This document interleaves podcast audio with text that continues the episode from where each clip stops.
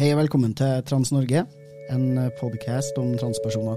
Lagd av PKI Norge, pasientorganisasjonen for kjønnsinkongruens. Jeg heter Luka Dalen Espeseth, og i dagens episode får du møte Robin, som er ikke-binær, og er med å lage podcasten Lobbyen. Herregud, velkommen til podcasten. Tusen takk. Jeg er jo litt nervøs, fordi du er jo podcastprodusent selv, så da tenker jeg at det stiller helt andre krav til meg som podcastprodusent. Jeg er egentlig bare kommet for å evaluere hvor flinke dere er til å lage podkast.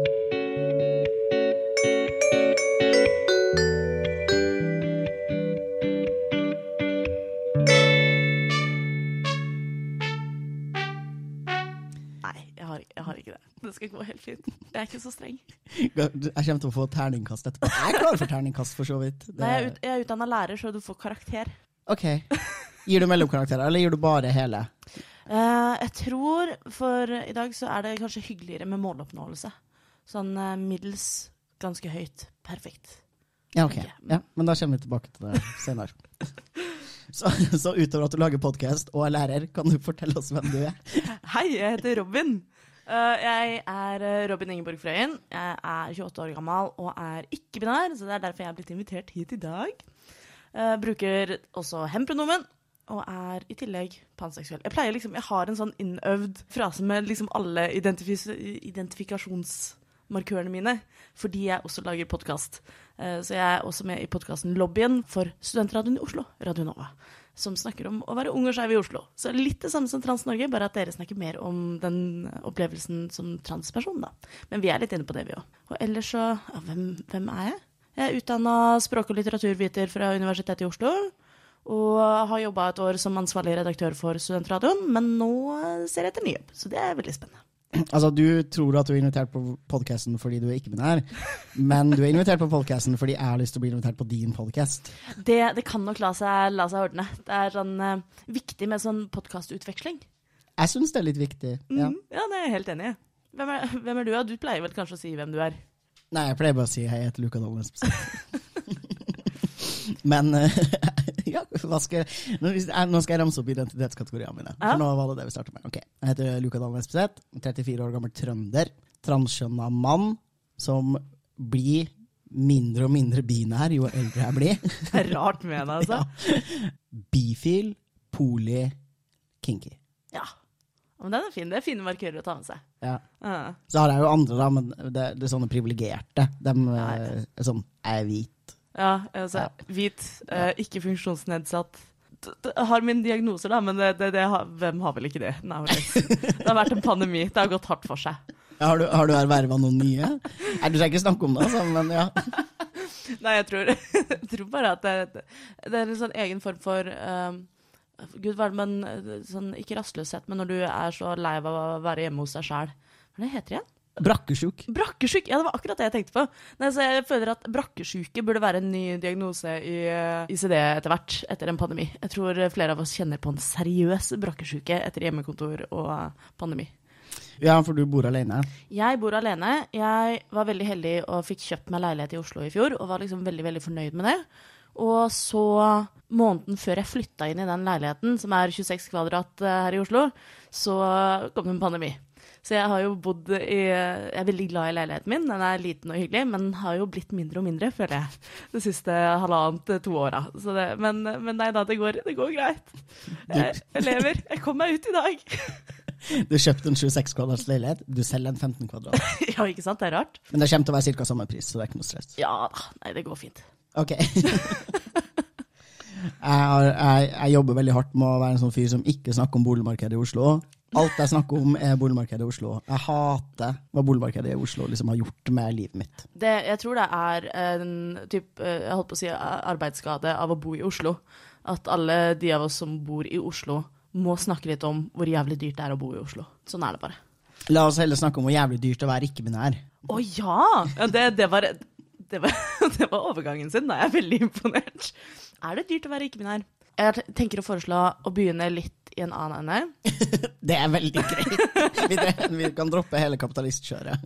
Nei, nei, vi kan gjerne komme inn på kapitalistkjøret, for gudene vet at det kan jeg også prate lenge om. Men jeg tenker at det kan være greit å legge litt fram hva ikke-binær er for noe, i utgangspunktet. Nå vet jeg ikke, Har dere hatt noen episoder hvor dere har snakket om begrepsbruk og sånn rundt ikke-binære identiteter tidligere? Altså, Vi har hatt ikke-binære folk på poden før, og vi har hatt en sånn introepisode om liksom, grunnleggende begrepsbruk. Og så har jo jeg veldig høye krav til mine lyttere. Jeg forventer grunnleggende kompetanse på trans. Educate yourself. Ja, men selvfølgelig, eh, det er jo meninga at dette skal være en educational pod også, yes. så go ahead.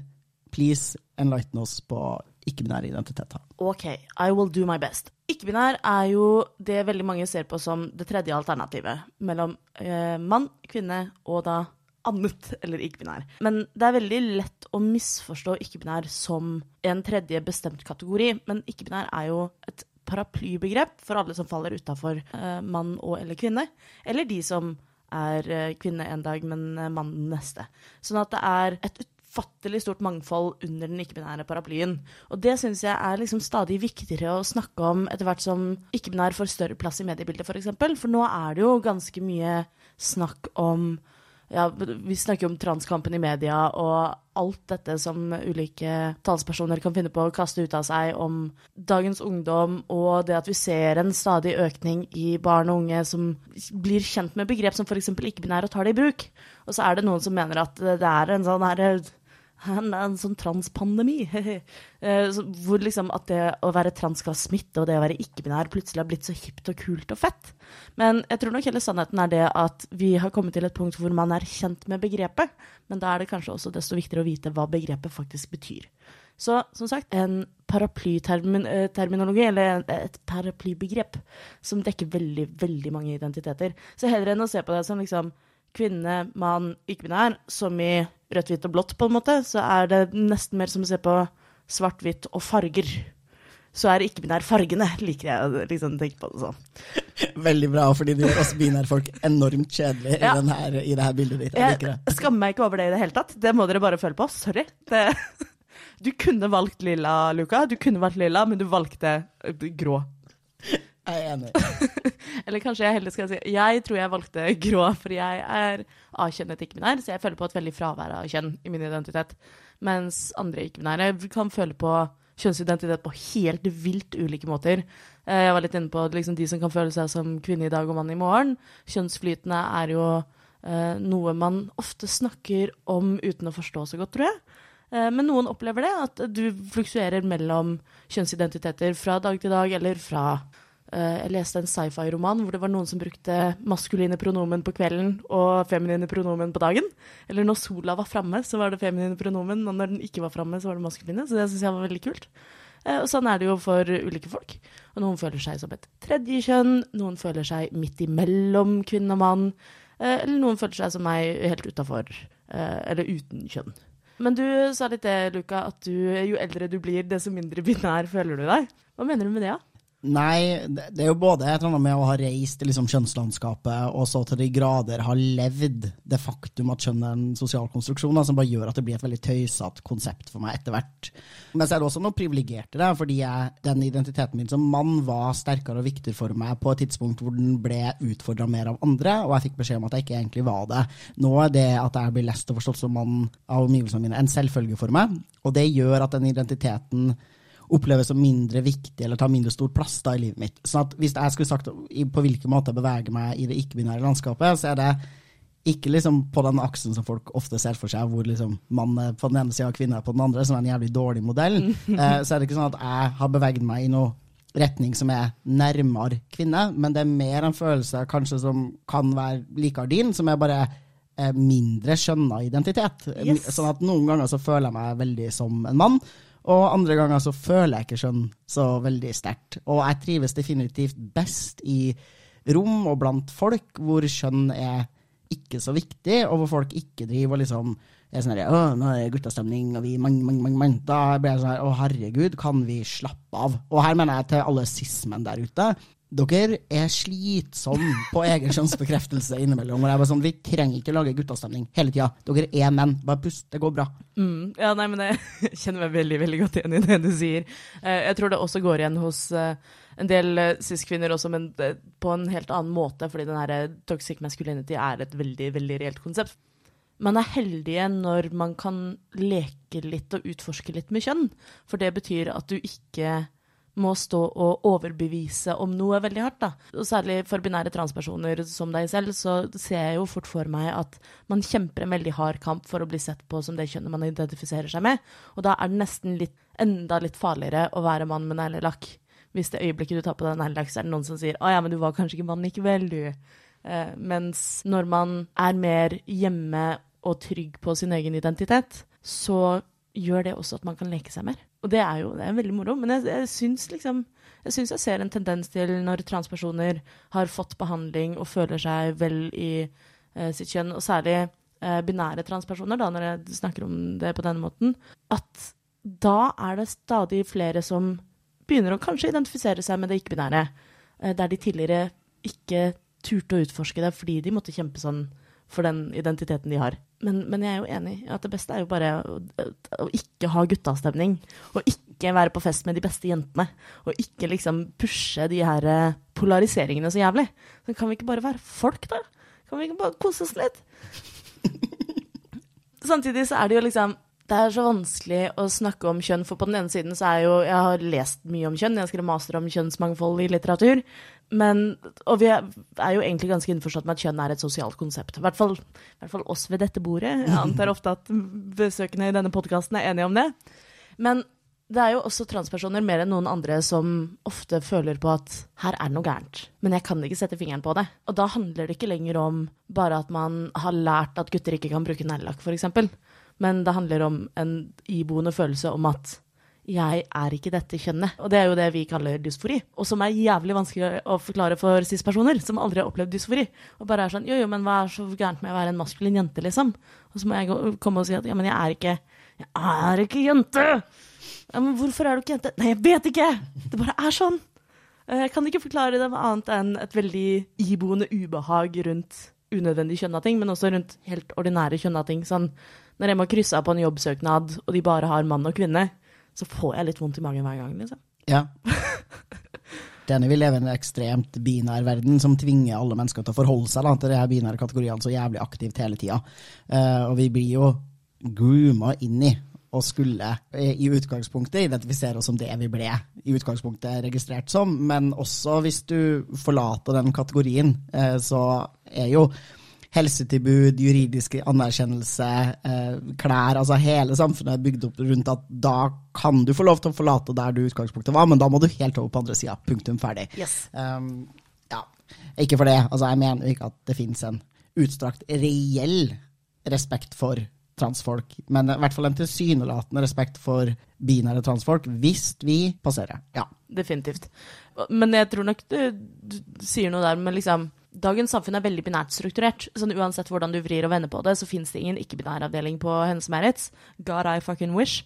Men uh, det gjør det altså ikke. Og det samme med uh, Jeg har så lyst til å ha et med hele, et oppgjør med hele frisørverden, fordi det er altfor ofte herreklipp og dameklipp. Som er liksom, Det er helt unødvendig, men vi har lært det, og det har vært sånn alltid. Og da er det veldig mange som tenker at sånn har det alltid vært, sånn skal det fortsette å være. Men det er jo helt unødvendig. Veldig ofte. Altså, jeg kan skjønne at man må ha riktig identitetsmarkør hvis du skal innkalles til en celleprøve for å sjekke om du har livmorhalskreft. Men vi sitter igjen i et samfunn i dag, i hvert fall her i Norge, hvor du har lov til å bytte eh, juridisk kjønn uten å kastrere deg. Eh, hurra, helt supert, dritkonge. Men det gjør jo også at det er mange transmenn som ikke blir innkalt til celleprøve. Eh, sånn at det er, et, det er, et, binært system som prøver å argumentere for at ja, men det er det fordi det er viktig på medisinsk grunnlag, eller det er viktig av det og det og det. Og så, og så blir det feil likevel. Og det er heller ikke feil som en konsekvens av at vi kan endre juridisk kjønn fritt. Altså, det har alltid vært feil. Juridiske kvinner også før denne lovendringa, var ikke ensbetydende med mennesker som hadde livmorhals. Det finnes masse cis-kvinner der ute som ikke har livmorhals. Så sant. Eh, og det fantes også, før den loven trådte i kraft, da, transkvinner som hadde fått lov til å endre juridisk kjønn, som også heller ikke hadde livmorhals. Sånn at denne ideen om at det er viktig at vi vet noen sitt juridiske kjønn for medisinske hensikter, er plain bare bullshit, liksom. Eh, og du forholder deg som helsepersonell jævlig sjeldent til en person sitt juridiske skjønn. Og de gangene du gjør det, så er det i hvert fall med bevisste personer som selv klarer å redegjøre for sitt skjønn. Eh, og hvis du er i en akutt krisesituasjon hvor du bare gjetter på noen sitt skjønn da, fordi de er bevisstløse, så gjør du det basert på deres kjønnsuttrykk. Ja, og så kan jeg på en måte ikke helt se for meg når du måtte trenge det heller, med mindre det er liksom noen, noen har blitt påkjørt og tissen har falt av, eller noe sånt. Altså sånn Du trenger ikke, når du skal hjelpe noen i en eh, bilkollisjon på siden av veien, så trenger du ikke vite om det er en mann eller kvinne, du trenger å vite hvor det nærmeste sykehuset er, liksom. Ja. Men eh, jo, det også har man jo kasta intersex-personer under bussen i all tid. Uh, og det er jo på en måte ikke Det er ikke idealisme, det er ikke samfunnsproblematikk. Det er liksom Hvis du skal lene deg på biologiargumentet, så må du jo faktisk vedkjenne at det, biologien er mangfoldig òg. sånn at det, det faller litt på sin egen Hva er det man sier? Det faller på sin egen Urimelighet. Urimelighet. Takk. Eh, hele den her binære inndelinga. Men vi har hatt det. Vi, det er mange som fremdeles vil ha det, for det er komfortabelt. Og for de fleste cis-personer så er det litt sånn Jeg ser ikke problemet med dette. Hvorfor må vi endre på noe som funker? Men så er jo faktum det at det, det funker jo faktisk ikke, da. For en stadig større andel av befolkningen som nå sier ifra om at det her funker ikke lenger. Eh, men eh, det er gammel vane, vond å vende, er det ikke det man sier? Så det det er ikke alle som er sånn kjønnsanarkister, sånn som meg, men jeg er veldig, veldig kjønnsanarkist. Syns at det, det, kjønn det kan man bare drite i. Eh, men det er jo litt sånn smakebehag. Og jeg tror det også er en veldig privilegert innstilling jeg har som A-kjønna ikke-binær. Eh, fordi jeg føler et fravær av kjønn, så mener jeg jo at kjønn er helt unødvendig. Men som sagt litt tidligere, at hvis du eh, sier du er eh, binær transperson og føler en veldig følelse av kjønn fordi du blir feilkjønna hele tiden, så blir liksom det å snakke om at nei, men kjønn er ikke så viktig, det kan vi kvitte oss med, da blir det like urimelig. Altså, Jeg er både enig og uenig. Altså, Jeg er også ganske kjønnsanarkistisk og mener at det er drittsystem, og at AI, det er en sosial konstruksjon som er bullshit, som bidrar til veldig mye smerte og begrensninger i folk sine liv. På samme tid, selvfølgelig, ja da, noen mennesker har en sterk følelse av kjønnsidentitet og finner mye glede i å uttrykke kjønn på spesifikke måter. Og det kan være more or less, altså mer eller mindre normative måter å uttrykke skjønn på. Men det betyr ikke at vi ikke skal ha som mål at dette systemet skal fjernes. Fordi denne sterke gleden ved å bryte en kjønnsnorm er også en konsekvens av å være sosialisert inn i, inn i et system som har sterke kjønnsnormer. Og du kan finne på, altså når vi har fjerna kjønn, så kan du fortsatt like glitter, liksom. Du får fortsatt lov til å synes at paljetter er det beste som finnes i hele verden. Og jeg tror at vi mennesker hadde funnet andre ting å være glad i. Men selvfølgelig, all den tid noen i dag lever og føler at ordet mann for eksempel, er viktig for dem, eller at ordet kvinne er viktig for dem, så skal jo ingen ta fra dem det. Ei heller cis-folk. De skal også få lov til å være opptatt av både tissene sine og rosa og blått og alt det andre som de cis-folkene styrer mye med. da. Ja, nei, jeg er helt, helt enig med deg, og jeg syns det som er interessant med i hvert fall dette med hvordan de innlærte kjønnsrollene på en måte Hvordan de blir konfrontert av ulike idealistiske grupper, er veldig interessant, fordi transbevegelsen møter jo ofte på motstand fra radikale feminister, f.eks., for eksempel, fordi vi i transbevegelsen mener ofte at kjønn ikke er så viktig alltid. At noen ganger så må man trekke kjønn ut av en situasjon hvor den ikke hører hjemme. Og for mange radikale feminister så oppleves dette som at man prøver å stryke ut kjønn. At liksom, du har ikke lenger lov til å stå på barrikadene og kalle deg kvinne og kjempe for kvinners rettigheter. Fordi det å være kvinne skal ikke egentlig spille noen rolle. Det er så frustrerende på veldig mange måter at disse to idealistiske bevegelsene ofte er de som går i klinsj med hverandre. Fordi man i bunn og grunn egentlig er veldig enige om at her er det en restriktiv kjønnsrolle som burde utvides, og glitter burde ikke være kjønna, liksom. Altså både, både gutter og jenter og ikke-binære skal kunne bruke så mye glitter og rosa og neglelakk og sminke og plissé-skjørt som de måtte ønske, liksom. Men vi, det betyr ikke at vi prøver å stryke ut identitetene som mann og kvinne. Det betyr ikke at det ikke skal være lov å føle seg mann eller kvinne. Eh, Det betyr bare at det skal være litt enklere for alle å føle seg som den de er. Så jeg skjønner, jeg skjønner ikke alltid hvorfor vi skal krangle så fælt, men det, vi ender jo opp med å gjøre det. Men det er jo jeg sier jeg ikke skjønner, det er jo misforståelser over en lav sko. Jeg syns dere snakket veldig godt om det i episoden om eh, norsken, dansken og svensken, f.eks., hvor dere tok for dere eh, ja, denne boka som ble skrevet av en svensk radikal feminist, eh, som la fram mange av disse argumentene som veldig åpenbart var grunna på misforståelser. Og det er så unødvendig. Ja, jeg er enig, men jeg mener også at det går et skille da, mellom de folkene som bare tror at uh, transfolk er veldig opptatt av kjønnsroller, og at det er derfor vi tenker at vi er det skjønnet vi er, fordi vi er stereotypt feminin eller maskulin, uh, og at vi har en sånn uh, idé om at vi skal frata cis-kvinner retten til å være cis-kvinner, eller muligheten til å snakke om diskriminering som cis-kvinner spesifikt blir utsatt for. Og der tar de jo feil, og der er det mange som har misforstått. Men det er også en voksende bevegelse av mennesker, og der tenker jeg at Kajsa Ekke Sekman definitivt tilhører, som vet det her. De har forstått det de er med viten, vilje, overlegg, intensjon og i handling transfob. De vet at det her argumentene de kommer med, er tøys, men de bare faktisk misliker transfolk. Eh, så er det resten av befolkninga, tror jeg, eh, lider mye av misforståelser, feilinformasjon, eh, stereotype ideer om hvem transfolk er, og en litt sånn platt forståelse av kjønn generelt. Men det finnes også helt reelt transfobe, slemme, dårlige mennesker. Jeg tror du har helt rett. Det, men det er bare en del av meg som er sånn jeg, jeg, vil ikke, jeg, vil ikke, at jeg skal være en del av virkeligheten. Jeg vil ikke at sånne folk skal liksom skal finnes. At det skal være noen som sitter med sånn motvilje mot andre.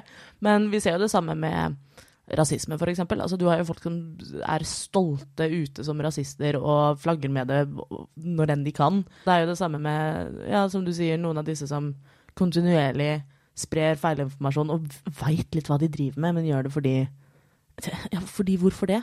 Fordi de har lyst? Fordi de er uenige i kjønnsmangfold? Det, jeg tror det er det jeg sliter med, da, å forstå hvor den motivasjonen kommer fra. Kanskje det er der vi bare aldri, aldri blir enige, transfobene og jeg. Jeg tror at hvis vi hadde forstått hva som faktisk motiverte dem, og følelsen de har, og hva det er som de eventuelt blir redd eller føler avsky overfor, eller noe, så tror jeg vi hadde fått til å løse det problemet. Da hadde vi klart å snakke til dem på en måte som gjorde at de ikke var redde, sinte, hatefulle mennesker, men klarte å liksom forstå og anerkjenne og respektere sine medmennesker. Da. Mm. Um, men jeg tror nok det er vanskelig sånn hvis man skal prøve å se for seg å være på andre siden, eller sammenligne dette med andre diskusjoner òg. Så jeg vil jo se for meg at det er mange meningsmotstandere som f.eks. ser på transbevegelsen og transaktivister også som sinte, redde, hardnakka, sta, ikke åpne for diskusjon.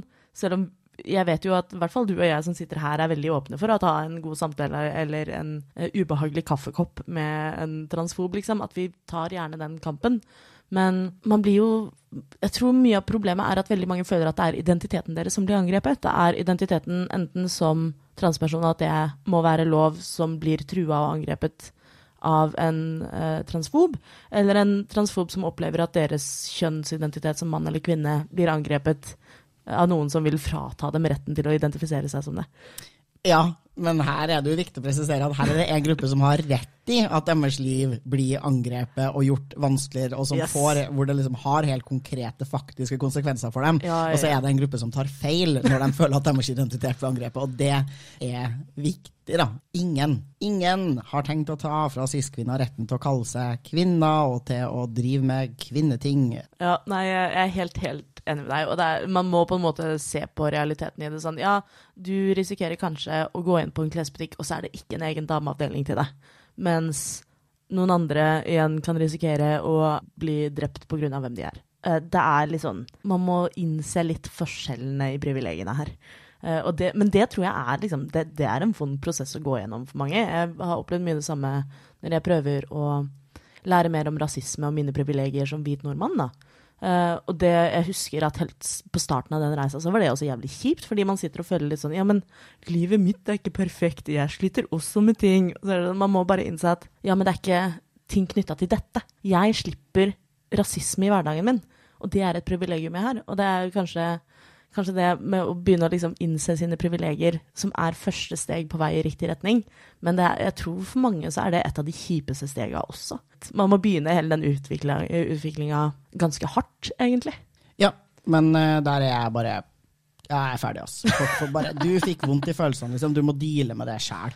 Eh, og det fins blogger og selvhjelpsbøker du kan lese når du får vondt i privilegiefølelsene dine. Og så er det også sånn, eh, det tror jeg vi har snakka om på poden her før, at privilegier er heller ikke liksom binære enten-eller-kategorier. Det er ikke sånn at du har eller ikke har privilegier. Alle av oss er mer og mindre privilegert i forskjellige situasjoner i livet vårt. Men så er det noen ting som alltid er sant for noen. For eksempel så er det alltid sant at jeg ikke blir utsatt for rasisme. Eh, Så der kan man være ganske kategorisk. Men som en transmann da, så finnes det situasjoner hvor jeg kan eh, være ganske privilegert. Eh, Og så finnes det situasjoner hvor jeg er mindre privilegert. Og jeg tror det også der det gjør vondt for noen av de her mann når vi prøver liksom å si du er privilegert, så blir de sånn her men kvinner blir undertrykt. Og så er jeg sånn, Ja, ja, ja, ja. selvfølgelig, kvinner blir undertrykt. Alle er helt enig i det. Vi vet det. Men det å være en cis-kvinne er fortsatt et privilegium, hvor du har privilegier over transkvinner i veldig mange situasjoner. De aller, aller fleste, siden samfunnet er såpass transfobt, og du driver fortsatt og er med på å opprettholde den transfobi, transfobien. Men det er jo helt tydelig at det er vanskelig å forstå. da. De syns det blir slitsomt, det blir sånn woke. Ja, uff. Ja. det er så kjipt når folk er for PK og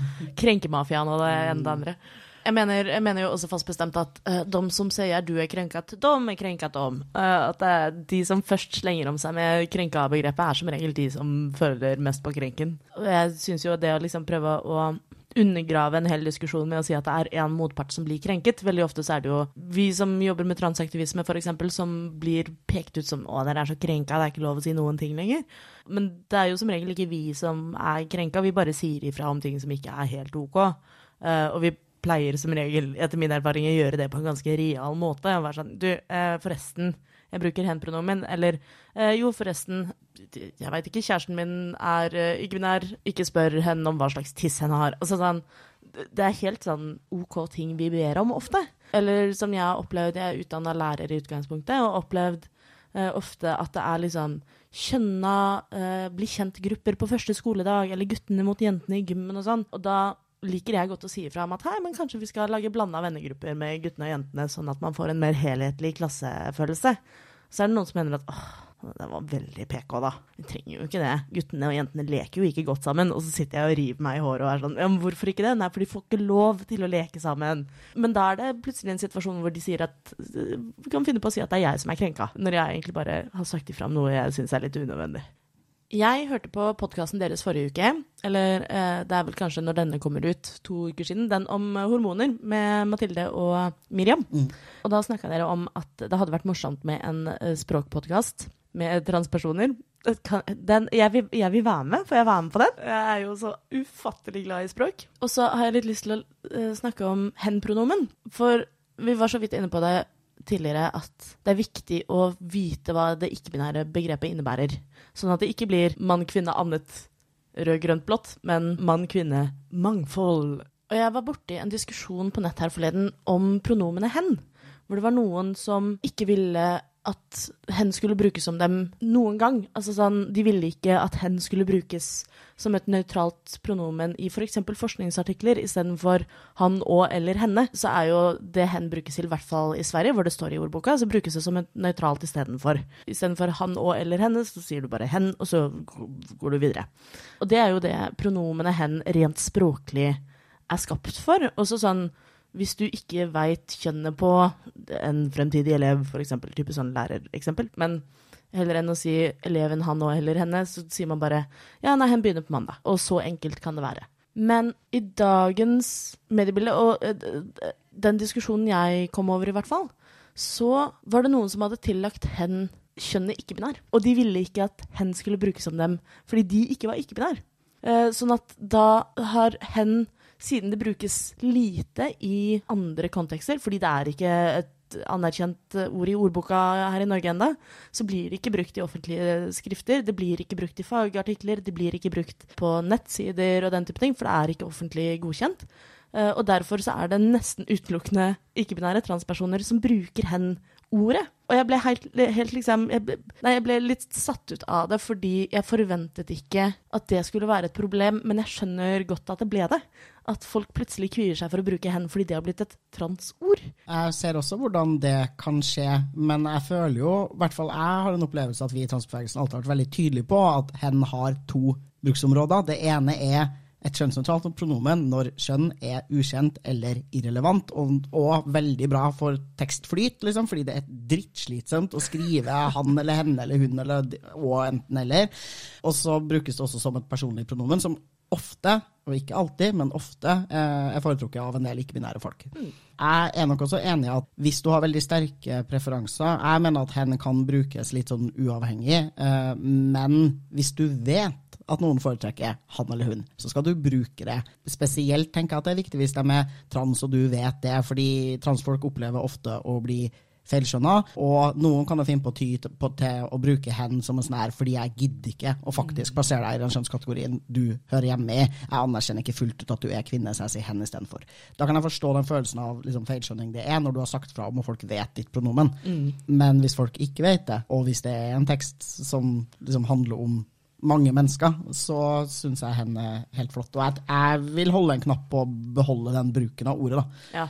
Ja, nei, jeg er helt enig i det. Og, men jeg tenker at det er viktig å tenke litt på ordets opprinnelse også. At det, ja, det brukes av mange transpersoner, og det er et personlig pronomen som er veldig viktig for veldig mange. Men i utgangspunktet så ble den jo uh, Hen-ordet ble jo adoptert av transbevegelsen, og særlig da ikke-binære, nettopp fordi det er et kjønnsnøytralt ord. Så det er, det er, jo ikke det at det, liksom, at det er ikke-binært og kjønnsnøytralt, og at det liksom er de to egenskapene hen-ordet har. Det er vel helst det at det er nøytralt, og derfor er det mange ikke-binære som har valgt å bruke det. Men det er jo også mange ikke-binære som bruker de, dem. Det er mange ikke-binære som bruker alle pronomen, eller to, tre, fire ulike pronomen. Altså mange ikke-binære som bruker neopronomen, altså sånn mindre etablerte, men like, likevel like viktige pronomen. Jeg tror jeg var borti en som brukte EM en gang. Det syns jeg var veldig fint. Så det blir liksom feil å gjøre hen til ikke-binærpronomene også, syns jeg. Fordi det undergraver på en måte alle de andre pronomene som ikke-binære kan velge å bruke. Og så er det sånn, jo, men du er jo ikke-binær, da, da, er det vel greit at jeg bruker hen om deg? Altså, det er jo ikke det for alle. Det er jo mange som ikke liker hen-pronomene, selv om de er ikke-binære. Helt enig. Og så mener jeg jo at vi har jo blitt gitt en språklig gave ja. i ordet 'hen' når vi skal skrive de her tekstene. Så vi må holde på den, den fortsatte bruken, tenker jeg. Bruken av 'hen' er ikke så utbredt, men jeg ser det stadig flere plasser. Jeg syns den bruken i spesielt i sånne tekster når folk skriver rapporter, når folk liksom lager medisinske tekster eller lager lærebøker og sånn, at det er flere og flere som har funnet ut at herregud, det her er jo genialt. Jeg ja, kan bare ja. si 'hen', liksom. Uh, og det er jo litt sånn vi var inne på i stad om kjønnsroller og hvordan vi lærer kjønnsroller hele tida. Så er bare, bare, det å velge å bruke han som et litt sånn standardpronomen i en lærebok hvor man snakker om advokater, for eksempel. Han advokaten, så er man jo med på å forsterke en tanke om at advokater er ofte menn. Uh, og det er helt unødvendig. Det, er, tenk trengs en det der med hen advokaten, eller hen sykepleieren, eller hen helsesykepleieren, eller en helsesøster eller helsebror. Jeg syns vi skal bruke hen mer, men jeg syns også det nettopp er derfor at hen får plass i språket, sånn at det faktisk brukes i andre sfærer enn kun i eh, transøyemed. det er, dette er et åpent brev til Språkrådet og ordboka. Jeg vet ikke hvem som er sjefen over ordboka, men jeg antar det er Språkrådet. Please and thank you. Putt hen inn i ordboka. Det trengs. Enig, uh, men det har jo jeg skulle si, det har jo Språkrådet allerede sagt at de kommer til å gjøre når vi begynner å bruke det. Så det er, der er det egentlig et åpent brev til alle språkbrukerne der ute. Begynn å bruke hen mye mer aktivt, for da kommer Språkrådet til å være sånn her Oi, det her er jo faktisk et norsk ord som blir brukt av norske folk når vi snakker uh, og skriver. Så da må vi anerkjenne det som et ord. Yep. Ja, men det er litt vanskelig akkurat det der. For uh, jeg har tidligere jobba i stat og sånn, og de tør jo ikke ta i bruk hen med mindre det er godkjent av ordboka fordi det er offentlige statlige midler, f.eks., eller statlige ressurser. Det er på en måte et svakt argument i seg selv, men jeg kan forstå at det, liksom, det er et argument godt nok til å børste det under teppet og tenke at ja, men når Språkrådet sier det er greit, så skal vi vurdere det. Men uh, det er jo mange som skriver ting som ikke kommer fra regjeringa, liksom. Altså, må gjerne DNB, for eksempel, dere er private, kan dere ikke bare begynne å bruke hen hele tida? Det hadde vært veldig fint. Åpent brev til DNB. dere støtta pride, men må dere bruke hen på alle nettsidene deres. Hva annet ikke-binært er det podkasten vår mangler? Vi har jo en veldig binær, manneprega podkast, i hvert fall når det er mye med Alexander i monitor. Uh, nei, hva mer ikke-binært er det? Nå er det jo snart valg. Og da har vi jo vært heldige og fått litt mer på tapeten skeiv politikk i, i, anledning årets stortingsvalg. Det er jo ganske interessant og spennende at det endelig blir snakka litt om. Nå kan det jo også hende at akkurat vi er i sånne sfærer hvor det blir veldig synlig, eh, mens for velgerne i gata så er det kanskje ikke like tett på hele tida. Men det blir snakka om, og det er interessant. I dag som vi spiller inn denne podkasten, så har det vært panel i Arendalsuka om tredje juridisk kjønnsalternativ, stemmer det? Lurer på om det faktisk er på torsdag, at det som var i dag var om ah. kjønnsbekreftende behandling. Ja. ja men, men, men, det har vært flere debatter på Arendalsuka, som er den uka vi spiller inn det her, mm -hmm. eh, som har handla om, om, trans da, generelt, og litt ikke-binære greier. Det er så kult! Jeg er så glad for at, eh, at det blir tatt opp, at det blir gitt eh, tid på lufta, men også at det er faktisk transpersoner som snakker om det, og ikke transpersoner som blir snakket om av, av cis-personer. Så det er veldig spennende. Og hele denne diskusjonen rundt et tredje juridisk kjønnsalternativ er veldig spennende. Dette har jo vært oppe i Stortinget flere ganger, og blitt stemt ned flere ganger. Nå får vi se hvordan det blir eh, etter årets valg. Men det som fremdeles ikke blir snakka nok om, hvis du spør meg, er jo behandlingstilbudet til ikke-binære i Norge. Og det er jo egentlig en stor sorg at det er så vanskelig som det er. Det er helt unødvendig at det skal være så vanskelig som det er, men det er jo selvsagt argumenter for det fra behandlingssentrenes side. Eh, jeg sier sentrene litt sånn hypotetisk, vi vet jo at det er bare ett. Men Rikshospitalet er eh, senteret for behandlingstilbudet for transpersoner i Norge i dag. Har veldig streng politikk på hvem som skal få behandling og hvorfor. De eh, snakker jo ofte om at angrere er det verste som finnes i hele verden. Det er jo kanskje litt irrasjonelt, og kanskje trengs en revurdering eh, på hvorvidt angring er så jævlig krise. Men greit. Det er det dere står og liksom stanger mot. Det betyr også at ikke-binære aldri har hatt et behandlingstilbud gjennom Rikshospitalet, som er den eneste behandlingstjenesten i Norge. Og det er helt urimelig. Men jeg syns det er så rart å tenke på at her er det en pasientgruppe som veldig tydelig trenger bekreftende behandling. Ikke alle, selvsagt. Eh, jeg er en av de som ikke nødvendigvis har et veldig stort behov for bekreftende behandling men jeg kjenner veldig mange andre som har vært helt avhengig av det for å ha god livskvalitet og føle seg som den personen de faktisk er. Og liksom, det, det er jo snakk om at konsekvensene av å ikke få behandling for de personene som trenger det, er livsfarlig. Og det blir så undergrava. Det blir liksom som at ja, nei, men det at, det at transpersoner tar selvmord, det er så vanlig at det får vi ikke gjort noe med, liksom. Hva er det for slags drittinnstilling? Jeg blir så provosert. Jeg håper at det blir ringvirkninger av diskusjonen rundt det tredje juridisk kjønnsalternativ. At det, hvis det får litt mer fotfeste nå snart, krysser fingra og hæla i taket, holdt jeg på å si, eh, så håper jeg også at det kan føre til et større behandlingstilbud som ikke kun er privat for eh, ikke-binære transpersoner. Og også det private også blir jo stadig mindre og mindre, og må fremdeles ofte ha henvisning fra enten fra Rikshospitalet eller fra psykolog eller fra DPS. Eh, som det er offentlige helsetjenester som ikke kan nok om transtematikk. Ja, for det er jo litt uh, interessant. Jeg tror det finnes en sånn idé om at uh, ikke-binære mennesker ikke har et behov for, for noen former for behandling, uh, og også en sånn derre i hvert fall Rikshospitalet fronter denne ideen veldig, da, at det er større sjanse for at ikke-binære mennesker skal foreta dårlige valg når det kommer til egen kjønnsbekreftende behandling. Vi er så for forvirra, vet du, vi ikke-binære. Vi ja. veit ikke hva vi driver med. Vi veit ikke hva vi vil, vi. Og det er jo helt tydelig også. Jeg har lest en del ting og hørt Rikshospitalet snakke, og også hatt det forferdelige nedrige privilegiet av å være til stede en del når de prater med Helsedirektoratet og Helse- og omsorgsdepartementet og liksom skal redegjøre for tjenesten sin. Da. Og måten de snakker om ikke-binære folk på, gjør det helt tydelig for meg at de tror at det å være ikke-binær er en tilstand av usikkerhet på hvorvidt du er kvinne eller mann. Altså det er sånn alt Måten de snakker på når de er sånn Ja, folk som er usikre de kan, Jeg har faktisk hørt han ene regelrett si det. Folk som er usikre på om de er kvinner og menn, folk som bytter på å være kvinner og menn. Altså det er veldig en sånn idé om at ikke-binære identitet er en tilstand av forvirring og usikkerhet.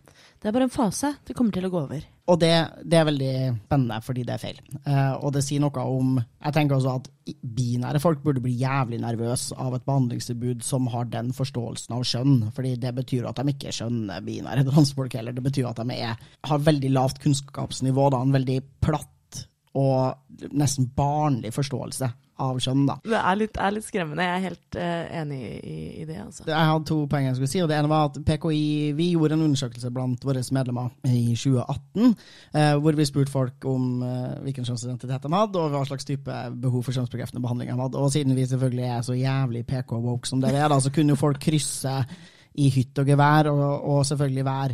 Og, det med, og da mener jeg ikke at det her er i hytt og gevær, for det her er helt legit identiteter, men folk kan krysse både for binære og ikke-binære kategorier, og det finnes masse folk som er ikke-binære transmenn, ikke-binære menn, ikke-binære kvinner osv. Men hos oss da, så var det altså en tredel av medlemmene våre som sa at de var menn, en tredel som sa at de var kvinner, og en tredel som også enten eh, bare eller i kombinasjon med en av de to andre, hadde kryssa for en av ikke-binær kjønnsidentitetskategori. Og så delte vi opp, og så kikka vi på liksom behandlingsbehovet til de ikke-binære folkene. Og det er ganske høyt. Det var liksom over 70% som ønska seg hormoner, 45% eller sånn som ønska seg brystkirurgi. Poenget vårt eh, var liksom at noe mindre behov enn hos binære folk, men relativt høyt. Og også overraskende mange som ønska seg genitalkirurgi, som var ikke-binære folk. Mm. Det er det første hvor jeg bare er sånn, det er bullshit. Og den her ideen om at ikke-binære folk ikke har noe behandlingsbehov. Og den andre tingen som jeg syns er fascinerende, er denne ideen om angring. fordi jeg klarer ikke Samme hvor mye jeg tenker på det her, så tenker jeg sånn I min verden så er det opplagt at ikke-binære folk har mindre sjanse for å angre på kjønnsbekreftende behandling. Eh, og Det mener jeg at det er den eneste logiske slutningen. Liksom, fordi det er binære transfolk står først i fare for å eh, gjennomgå behandling og allikevel ikke passere og bli lest som enten kvinne eller menn, som er faktisk når man undersøker angrere og spør hva er grunnen til at du skulle ønske at du allikevel ikke gjennomgikk kjønnsbekreftende behandling, så er det veldig mange som oppgir det som grunn. Eh, på tross av at jeg har gjort veldig mange endringer med kroppen min, så blir jeg ikke lest som det skjønner jeg er. Jeg har blitt veldig tydelig klokka som trans, og jeg syns at det er jævlig. Eh, mm. jeg tror kanskje livet mitt ville ha vært bedre hvis jeg bare lot være. Ikke-binære folk har ikke det samme problemet, tenker jeg. Og det, nå snakker jeg veldig kategorisk. Det kan selvfølgelig være ikke-binære mennesker som har helt klart behov for å bli lest som enten kvinner eller menn, og som liksom eh, opplever lignende bla, bla. Eh, men ikke-binære mennesker vil jo oftere ha litt mindre behandlingsbehov. Da er det jo mindre medisinske komplikasjoner og risiko forbundet med det. Og ikke-binære mennesker vil oftere, tenker jeg, da, ha sjanse for å være fornøyd med å ha et normbrytende kjønnsuttrykk, eller være fornøyd med å ikke bli lest som enten kvinne eller mann, og ha en mer liksom fleksibel approach, da, eller uh, ha en mer fleksibel inngang til hva som blir resultatet og utgangen av kjønnsbekreftende behandling. Så i min logikk, da, i min hjerne så er det eneste som sier logisk mening, at ikke-binære mennesker vil angre mindre på kjønnsbekreftende behandling enn binære folk. Jeg syns du har godt resonnement der. Jeg, jeg, ser veldig veldig godt argumentene dine, og jeg er på sett og vis veldig enig, merker jeg. Og jeg tror også at hadde vi avstigmatisert behandling for ikke-binære personer i større grad, så hadde nok også den prosentandelen som ønsker behandling økt følgelig. Sikkert ikke til en 100 av ikke-binære som ønsker eh, behandlingstilbud på den ene eller andre måten. Men hvis jeg skal trekke fram min egen erfaring uh, som ikke-binær uh, transperson, så tror jeg jo også at mye av grunnen til at jeg sier at jeg ikke har noe behandlingstilbud per i dag, er fordi jeg syns det er litt skummelt å være så normbrytende synlig. Og jeg merker at dette liksom Familien min skjønner ikke godt nok til at jeg har lyst til å gå til øh, familien min og fortelle at hei, jeg har lyst til å ta toppkirurgi, liksom. Fordi de veit jo at jeg ikke identifiserer meg som mann. Men det faktum at jeg ikke heller identifiserer meg som kvinne, det er liksom det er litt ullent. Og så tør vi ikke snakke helt om det. Og så er det sånn Vi bare lar den ballen ligge, og så kan Robin være hvem Robin er, og så snakker vi ikke mer om det. Men hvis jeg skulle oppsøkt behandling aktivt, så måtte jeg jo også følgelig tatt mer aktivt stilling til det uh, til personene rundt meg, enten det er familie eller venner eller kollegaer eller hva nå enn det skulle være. Og nettopp fordi det ikke-binære fremdeles er så ukjent og feilrepresentert for mange, så har det gjort at jeg føler personlig at det er like greit for meg Altså, jeg har en god nok hverdag og høy nok livskvalitet til at jeg ikke trenger å ta den kampen akkurat nå. Men hadde det ikke vært like stigmatisert, hadde det vært litt mer OK å oppsøke behandling som ikke-binær, så hvem vet, så hadde jeg antageligvis vurdert det i mye høyere grad enn jeg gjør i dag. Og Det du peker på der, er jo nettopp de avveiningene som de aller fleste transfolk er fullstendig i stand til å ta. Altså Når vi vurderer om vi skal gjennomgå behandling av ymse slag, så ser vi på hva vil resultatet av det bli medisinsk, for meg personlig og sosialt. Hvilke konsekvenser vil det ha? Og så veier vi fordelene og ulempene opp mot hverandre, og så tar vi gode valg for eget liv. Og så kan man samtidig da ønske seg at samfunnet skulle sett litt annerledes ut. Eh, at det var mer rom for å gjøre kjønn på forskjellige måter. Og det vil for noen resultere i, altså når man får via ut de her kjønnsnormene og ting roer seg litt ned, for noen resultere i mindre behov for behandling, og for andre resultere i mer ønske og behov for behandling. Og det er helt greit. Yes. Nei, men det, det også er jo egentlig veldig kult å tenke på. Det at desto mindre stigma det blir rundt behandling, men også desto mindre strenge forventninger man setter til kjønn og kjønnsroller, eh, så vil det liksom På den ene siden så vil det å føle på et behov for behandling føles mindre vanskelig og stigmatiserende, men også hvis det er helt greit å være kvinne med skjegg, så vil jo da også behovet for laser eller eh, Det er to metoder. Laser og elektrolyse. Ja, Elektrolyse, ja. Mm. Så vil jo da også behovet for det kanskje antageligvis også minske.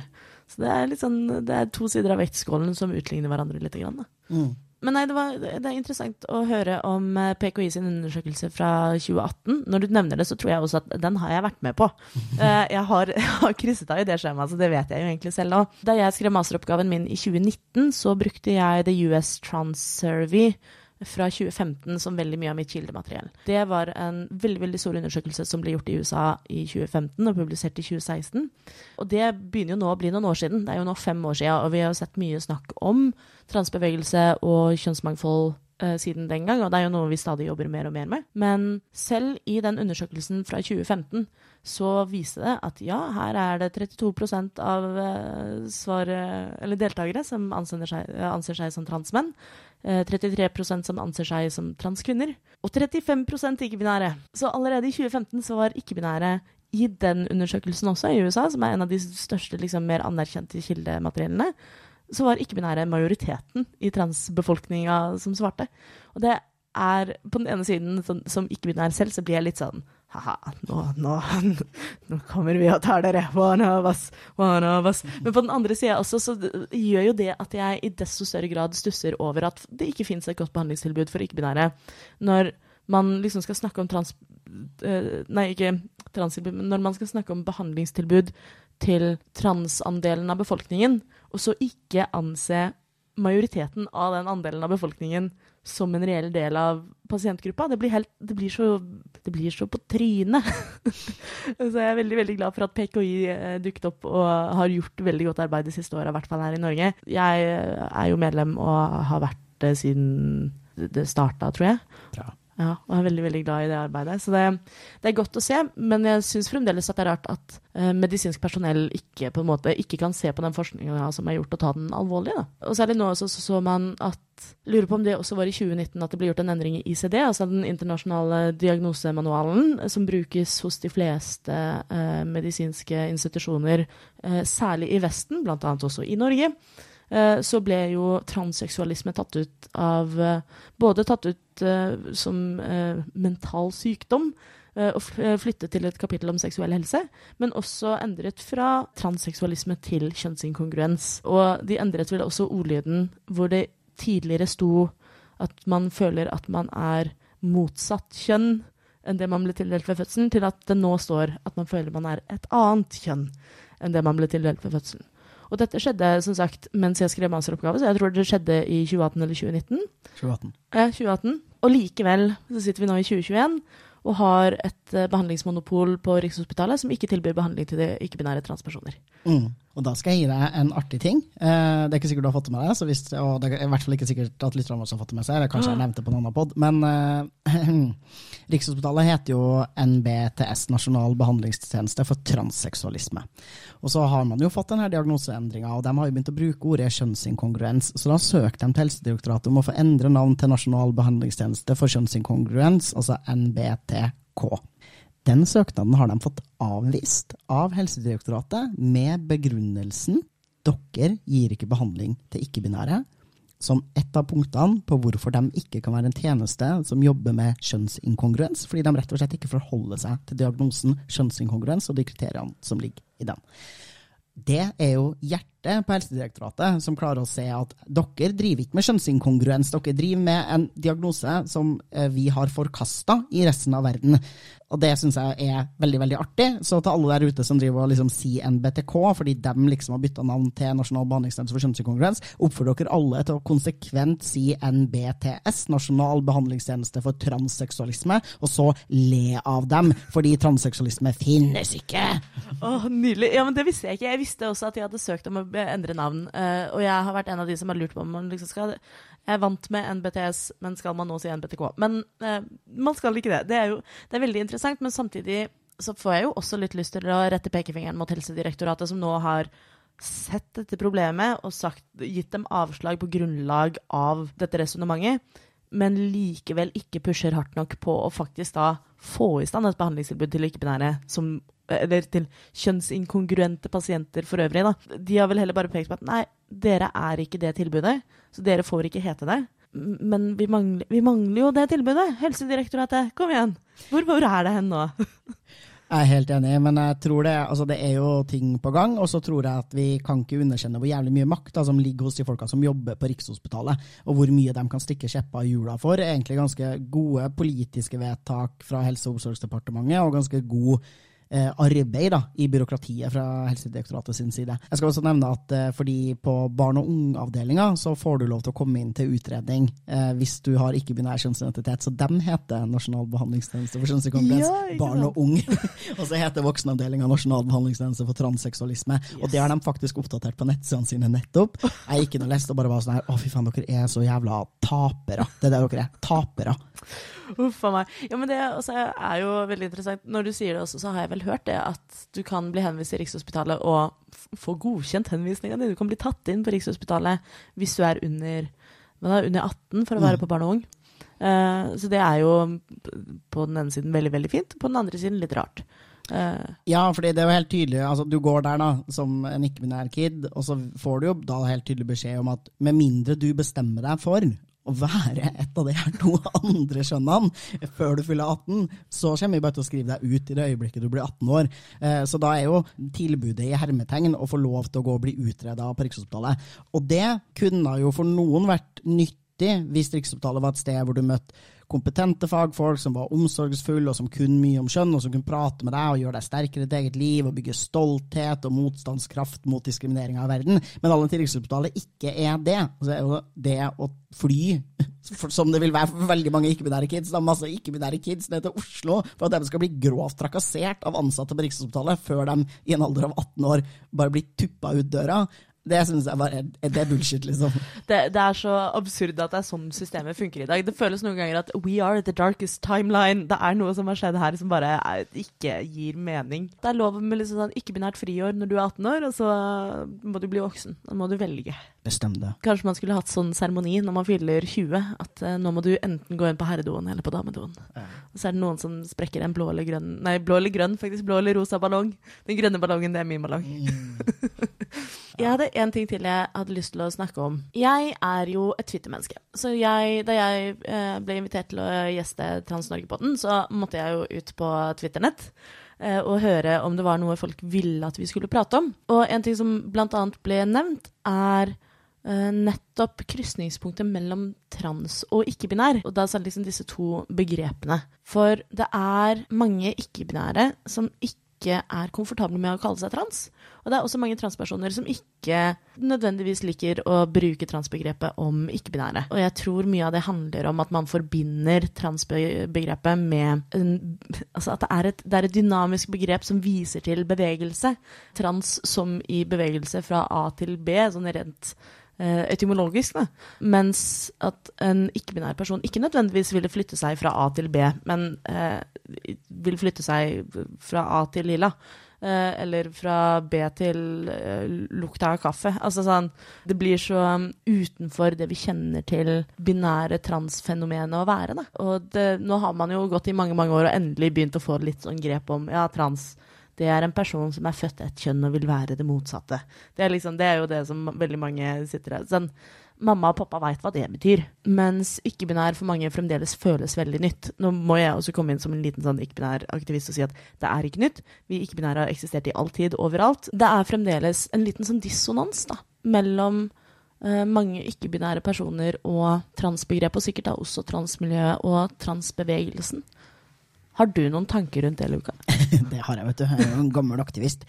Ok, Mine tanker om det er som følger. da. Eh, Jeg bruker definitivt trans i betydningen du er et annet kjønn enn det du ble tildelt ved fødsel. Og du kan også være litt det skjønnet. Eh, Jeg kan legge til en liksom fullere definisjon som er sånn du er eh, ikke alltid det skjønnet du ble tildelt ved fødsel. Og så tenker jeg at det er et paraplybegrep som inneholder transmenn, ikke-binære og transkvinner, og at ikke-binær er et paraplybegrep som inneholder masse identiteter og måter å være skjønn på, eller drite i å være skjønn på.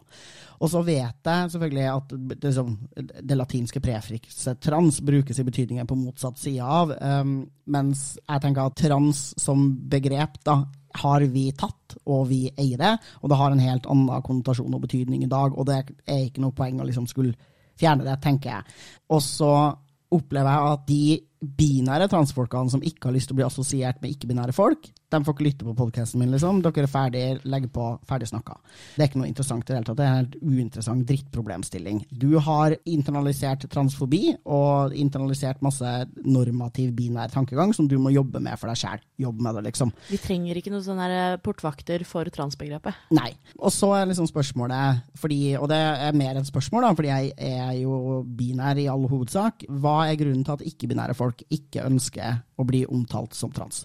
Og hvis eh, det som er liksom den historiske forståelsen min, da, og sånn som var sånn som transmiljøet fungerte da jeg kom inn i det her miljøet for liksom ti år siden, og vi ikke hadde begrepet ikke-binære engang, men de ikke-binære folka var definitivt der da også, så var det eh, veldig mange som følte at man ikke var trans nok, eh, og at man ble ekskludert fra transmiljøet, eh, i tillegg til at man på en side også har hatt en sånn bevegelse av det jeg kaller transfolk, men som kaller seg selv for født i feil kropp, og som er sånn HBRS-folk, som har vært jævlig hard på å ekskludere først og fremst ikke-binære, men også jævlig mange andre former for transfolk, da, altså homofile transmenn og hutta meg rundt. Så jeg tenker at hvis vi ser bort ifra de tingene, da, så er hvis jeg bare sier, som kongen av transbegrepet, alle ikke-binære folk er trans nok, og denne ideen om født i feil kropp og binær kjønn og bla, bla, bla, bla, og samfunnet sin idé om hva som er trans nok, bare putte bort. Og så er spørsmålet er du trans da? Og da er jo mitt håp at alle ikke-binære folk skal si ja,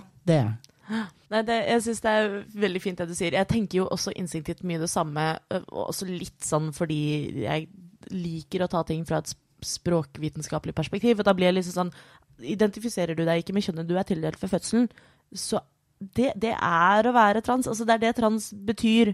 Så hvorvidt du velger å bruke transbegrepet om deg selv når du er ikke-binær, det står du egentlig fritt til å velge selv. Jeg mener jo at alle selv skal få velge sine merkelapper, og det viktigste er at du har det bra. Men, men selv om du ikke velger å bruke merkelappen trans og ikke er komfortabel med det, det er helt fair, men du er fremdeles du, du, er, du, er, fremdeles trans, liksom. Altså, sånn, jeg, har ikke, jeg, har ikke, lyst til å være kjip, jeg har ikke lyst til å pålegge noen en identitet de ikke kjenner seg hjemme i. Men det er litt som du sier da, Luka, at spørsmålet er om de føler seg trans nok til å kalle seg trans, da, tror jeg ofte. Og jeg merka jo at da jeg selv kom ut som ikke-binær, så tok det meg veldig, veldig lang tid før jeg turte å omtale meg selv som transperson. Og selv den dag i dag så hender det at jeg kvier meg for det, fordi jeg syns det høres mer i hermetegn radikalt ut enn det jeg føler meg som person. Jeg føler meg ikke alltid sånn superradikal.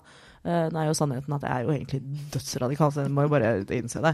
Men jeg kan forstå at det kan føles litt skummelt, kanskje, å kalle seg trans. At det legges en forventning i det ordet som man har plukket opp fra bl.a. samfunnsdiskursen de siste tre åra, hvor transdebatten i hermetegn, eller hva man Jeg liker å kalle det transkampen i media, uh, har vært såpass hard at man hvis man ikke føler seg som en del av den diskusjonen, så er det vanskelig å bruke transbegrepet om seg selv.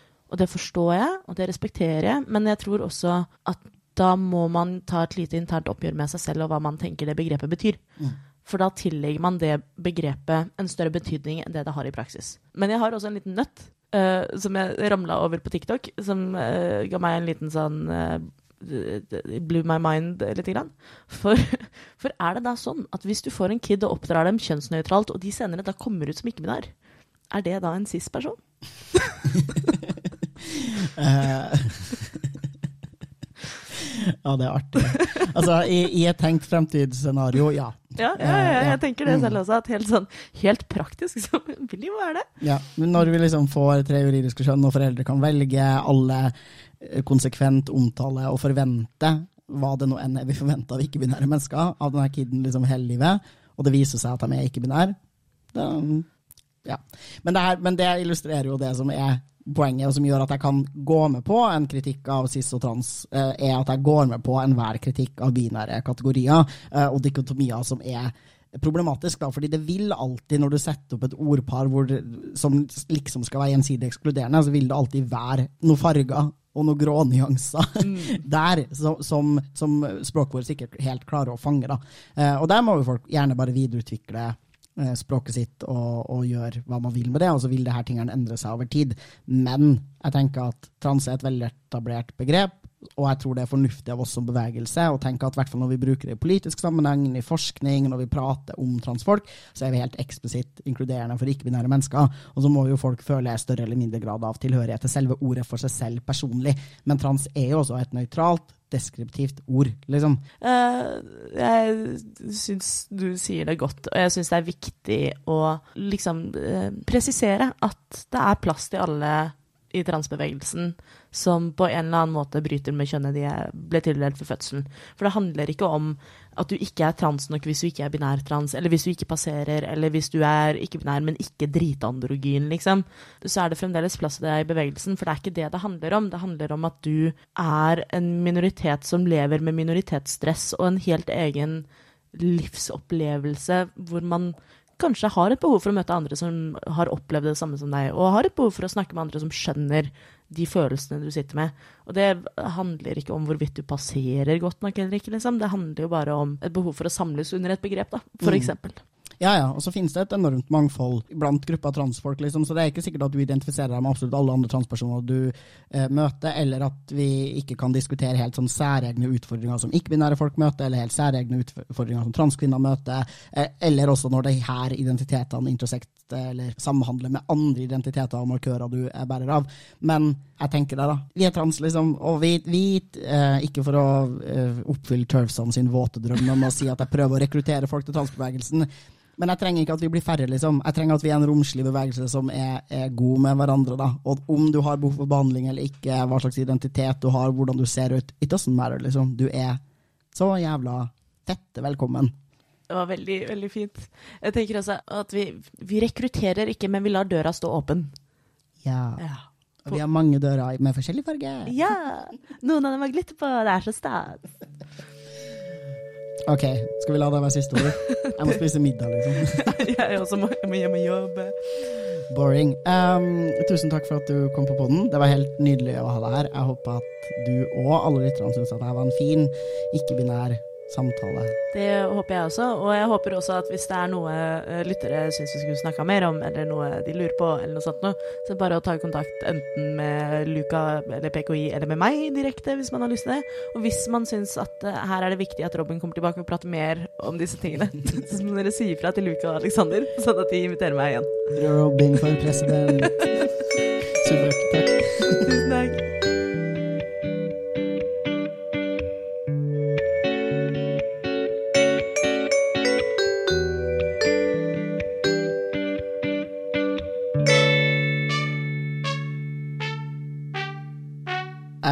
Heter Luka Dalen Espseth.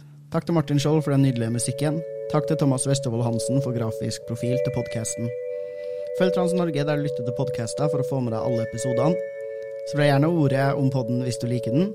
Følg PKI på Facebook og Instagram, og meld deg gjerne inn i PKI på nettsiden vår www.sjonsingkongruens.no.